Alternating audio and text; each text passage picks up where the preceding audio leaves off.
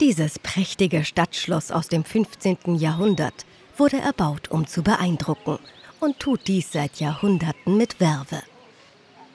Seit 2019 ist der ehemalige Wohnsitz von Ludewig van Grüthüse restauriert und kann wieder besichtigt werden.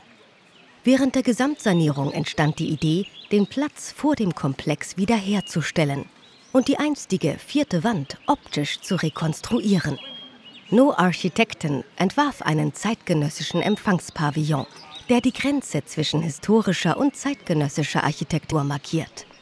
Das Exoskelett bildet den Hintergrund für eines der Nester des argentinischen Künstlers Adrian Villarrojas.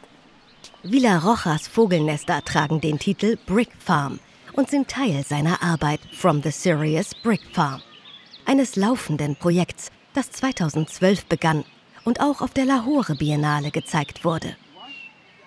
Der Titel bezieht sich auf den Moment, als Villarrojas und sein Team in einer argentinischen Ziegelfabrik eine große Anzahl von Nestern des Rosttöpfers, auch Hornero-Vogel genannt, fanden. Dieser Vogel verdankt seinen Namen den Nestern, die er aus Schlamm, Zweigen, Lehm, Speichel und anderen verfügbaren Materialien baut. Die Nester erinnern an alte Lehmöfen der frühen argentinischen Landbevölkerung. Villarrojas Team untersuchte diese Nester und baute sie unter Verwendung der Originalmaterialien wieder ein. Bemerkenswerterweise kehrten die Vögel danach zurück und begannen die Nester zu verstärken. Während der Triennale Brügge 2021 wird Villarrojas Dutzende von ähnlichen Nestern in Brügge verteilen. Sie sind nicht nur hier in der Nähe der Bürgersloge installiert, sondern auch im Stadtzentrum in Seebrüche, dem Ort, an dem die Triennale Brügge und Beaufort zusammenarbeiten. Wenn man ein Nest findet, ist nicht klar, ob es sich um ein echtes oder künstliches Nest handelt. Auf diese Weise regt der argentinische Künstler zum Nachdenken darüber an, wie eng natürliche und menschliche Artefakte miteinander verbunden sind. Adrian Villarrojas spielt in seinem Werk mit Begriffen wie Endlichkeit, Flüchtigkeit und Vergänglichkeit. Er stellt bildlich dar, wie die menschliche Zivilisation untergehen oder wie eine futuristische Kultur entstehen könnte. Die Zukunft, die Vergangenheit und alternative Versionen der Gegenwart spielen in seiner Arbeit immer wieder eine Rolle.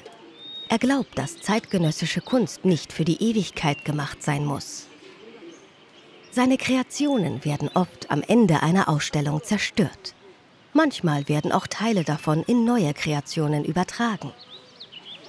Villarrojas studierte bildende Kunst an der Universität von Rosario in Argentinien. Heute lebt und arbeitet er meist nomadisch.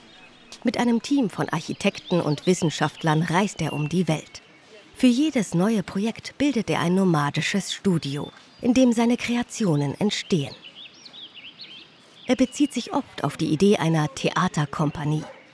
Jedes Mitglied seines Teams spielt eine andere Rolle. Und jedes Projekt geht mit einem intensiven Engagement und Eintauchen in den politischen, soziokulturellen und geografischen Kontext des Ortes einher. Das Team von Villarrojas taucht in die Atmosphäre eines Ortes ein, spricht mit den Anwohnern, plant mehrere Besuche vor Ort und wohnt manchmal sogar vorübergehend in der Nachbarschaft des jeweiligen Projekts.